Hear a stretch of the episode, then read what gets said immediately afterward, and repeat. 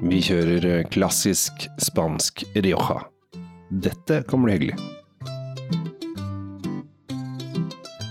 Hei, hjertelig velkommen til dagens episode av eh, Drinkfeed og Kjells eh, vinkjeller i koablerasjon. I dag, Tom, så er vi nok i gang med vår klassiske serie. Vi snakker om da klassiske viner, rett og slett fordi vi mener at det er en del viner som alle bør være litt informert om, og kunne litt grann om, og kanskje være litt interessert i å bli kjent med. Ja, ikke sant. Fordi eh, det vi i Drinkfeed tenker er jo at du kan drikke og kose deg med så mye gøyale viner du bare vil, men hvis du ikke vet hvor de kommer fra, hvordan grunnstilen var, så mister du kanskje noe på veien.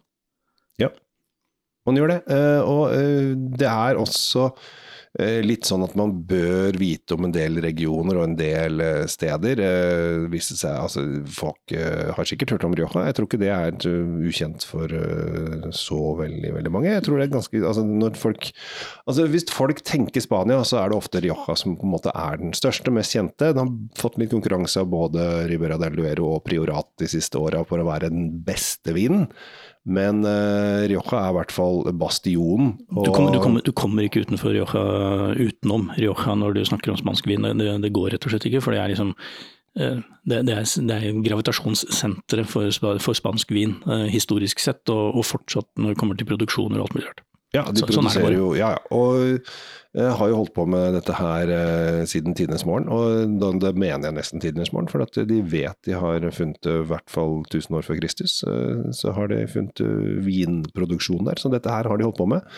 Eh, og så har det gått litt eh, i rykk og napp og så. Og så kom jo da denne Phylloxera-lusen til Bordeaux, som i og for seg Og er bare Hæ, men Bordeaux er jo Frankrike, Kjell Gabriel, dette vet jeg jo. Hva er det kødder du med meg, liksom? Driver du og tuller med meg? Og så sier nei, den kom til Bordeaux, og da måtte Bordeaux-folket For da døde jo alle vindruene døde jo i Bordeaux, så da måtte de finne nye druer. Da tok de toget over Pyreneene og endte ned i Rioja-området. Eh, og Eh, begynte å lære eh, spanjolene å lage vin på en helt annen måte, for da tok de med fatene sine, og de lærte dem å fatlagre, og plutselig så ble spanjolene veldig glad i fat. Ja, de, begynte, de tok over, kan du si, eh, måten å lage fransk vin på, mm. på bare med spanske druer. Mm. Og det og det har de holdt på med, fordi de er ekstremt tradisjonsbundne, egentlig. Eh, det huset vi skal snakke om, som er superklassisk, eh, Marques de Caceres. Ja. Eh, historien her er litt morsom. Forfaderen her, en markis, som tilfeldigvis var også kaptein for, i marinen. Det ser du. Under krigen The Spanish Armada. Ja, han drev og forsvarte Ikke den spanske armada. Vet du når den spanske armada var? 1530 et eller annet lurt. 88. Ja, var nærme nok. Uh, tatt på hælen. Men uh, han fyren her, uh, han var med å forsvare da Sicilia. Ja. For at det skulle forbli spansk. Ja, var ikke det naturlig? Jo, og Sør-Italia var jo spansk i sin tid. og det, han, slåss i, også, han, han, gjorde, det såpass bra, da. Det, gikk jo ad undas før til slutt, alt sammen. Men ja. han fyren her gjorde det såpass bra, så Don Juan Ambrosio Garcia de Cacheres and Montemayor het fyren. Det korte navnet? Ja. Eh, han fikk i belønning, så fikk han da denne eiendommen i Rioja. Ja. Av, av daværende spanskekongen, som het Alfonso et eller annet sikkert. Ja. Eller Carlos, de bytta jo på. Ja. Og lagde da det som nå er blitt Marques de Cacheres, og eh, med retten til å levere til det spanske hoffet. Så det var egentlig starten mm -hmm. på dette huset, og det, det, har vært en sånn type hjørnestenseiendom da i Rioja i, ja, siden da. Jeg skal ta helle litt i, glass i det, så du kan kjenne denne klassiske eh, duften i nesa også. Ja, når vi, venter, når vi snakker om klassiske Rioja-viner, så, så, forventer vi jo uh, utpreget mye fat, mye rød frukt, og sånn litt tyngre stil. Det er jo det de er kjent for. Og det er jo ikke uten grunn at uh, spanske vinmakere nå har uh, gått mot en lettere stil i nyere tid. Ja, og men det er ikke så lenge siden. Nei, det begynte jo med nå på 80-tallet. 80- og 90-tallet begynte det fordi, fordi verden gikk videre og folk ville ha de lettere stilene. De var ikke så glad i de overeikede, som man kaller det. Men altså, mm. overeiket, det er bare et tidsbegrep. Fordi da de vinene her var markedsledende, så, så, var det jo akkurat som det skulle være. Ja, altså det, det må være litt sånn eh, Det er liksom hvis du lager høyvannsbukser, da. Uh, og det er det du lager, så er det sånn Oi, plutselig er det kjempetrendy, og så går det noen år, så nei, ja, du er ute, så går det noen år, så er det Oi, det er plutselig kjempetrendy. Så sånn er det. Det går, det går i bølger. Ja. Og det gjør det også med, med vintrender, bare så det er sagt. Uh, nå snakker vi jo ikke om en kjempegammel vin her, uh, men det er en reserve. Det betyr den var lagra på fat da, i, i 18 måneder eller mer. Denne vinen er fra 2015, så i sammenhengen her så er den ganske ung. Så den har liksom ikke fått satt seg ordentlig. Men den har jo disse karakteristikaene som vi er ute etter. Den mørke stilen fortsatt, selv om en fraværet av mye eik er tydelig, hvis jeg kan si det sånn. Ja, det var jo mye mer um... Det er mye mer frukt enn det man uh, kanskje fikk fra, fra vinene på 70-tallet. Men den, grunnen til at jeg tok fram denne til deg i dag, Kjell Gabriel, at dette, dette, er et godt uttrykk for fortsatt den klassiske Rioja. Mm. Stilen her er lik, vinifikasjonen her er lik, det er ikke noen hokus pokus med måten å lage vin på tester du den her opp mot uh, andre stilarter. Du nevnte jo viner fra andre distrikter, og du kan til og med gå til Portugal, så vil, vil jo finne at dette er jo en om, om det er gullstandarden, så er det i hvert fall et uh, veldig godt uttrykk for hvor det kom fra, fra opprinnelsen. Og det er selvfølgelig Tempranillo som er eh, druematerialet. Det er jo da Rioja-drue nummer én. Ja, det er vanskelig å ikke finne en Tempranillo-vin. Rioja er egentlig delt opp i tre uh, undersoner. Det er da Rioja Alta, Rioja Alvesa og Rioja Baya. Og hvis du vil ha de mer klassiske, så må du ofte gå til Alta og Alvesa. Baya er ofte det som kalles bulkvin. Ja, det blir ofte um, solgt på, i store partier, eller, ja. eller brukt i andre ja. ting. Jeg pleier alltid å si Rioja Baisa Altså, det er fordi du er litt sånn frekk noen ganger. Svenske, altså det, det, er ikke så bra. Litt bæsj.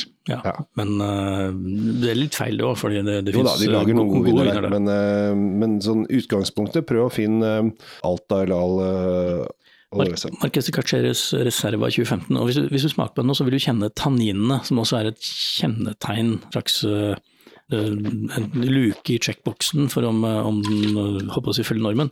Det, det, er veldig tydelige tanniner. Du får den snerpen og snurpen i munnen. Det er nesten sånn at eh, du kan nesten kjenne smaksløkene trekker seg sammen litt. og det, det, er veldig, veldig, veldig jeg, riktig i forhold til denne vinen. Mm.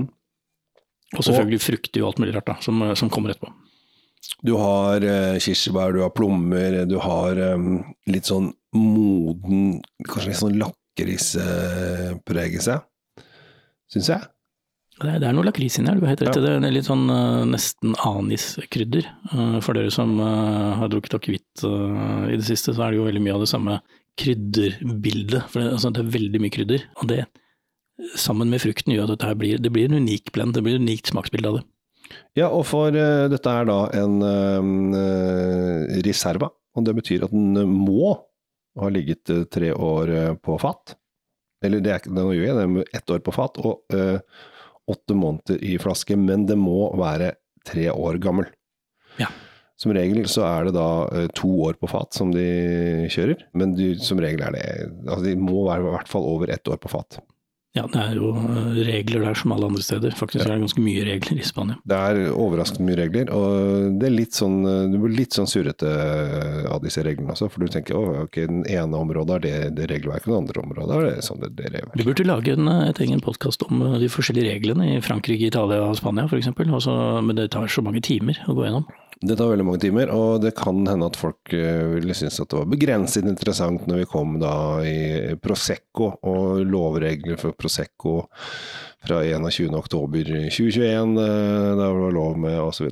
Her er det mye rart. Ja, men, men nå skal, er vi, vi, er i Spania nå, ja, Kjell Gabriel. Ja, vi er i Spania. Vi er Temperanillo. Og jeg syns jo vinen har disse deilige mørke fruktene, har den runde, fyldige litt uh, værpregede, samt så har den litt sånn bitt Du kjenner liksom tanninene litt i, i, kanten, og her er det selvfølgelig med påfølgende kjøttretter, så har du dette her eh, lenge. Ja, jeg tenker jo her er det klassiske uh, spanske spekeskinker og vinterstid i denne delen av Spania, som ligger egentlig ganske høyt over havet, så, ja. så har de fantastiske gryteretter. Det er mange som ikke tenker på det.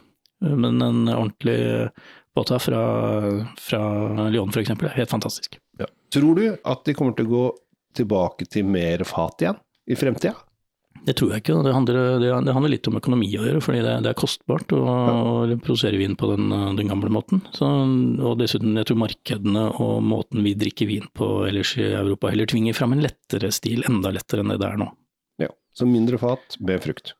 Jeg tror det, men jeg tror heller ikke de kommer til å kutte ut uh, disse stilene, hvis dere smaker på denne her nå. Uh, de kommer ikke til å kutte det ut, men det kommer til å bli mer av de andre vinene, tenker jeg. Ja. Det er min spådom her i verden, da. 2015 har rukket å bli sju år gammel allerede, så det betyr at den har fått ligget litt ekstra både på, på, flaske og lager et eller annet sted rundt om, og det har jo, gjør jo bare dette moro. Her er jo det som er så gøy med Rioja-viner, er at de de kan jo ligge i 20-30 år uten at du trenger å tenke på det. Altså, et eksempel er f.eks. Faustino, som du plutselig får fra 1964 på polet, liksom. Så, og, da, og, det er. Og da har du klassikere. Ja. Uh, men du risikerer jo også da at eh, det er flaskefeil. Uh, jo eldre vinen blir, jo større sjanse for variasjoner og feil er det jo.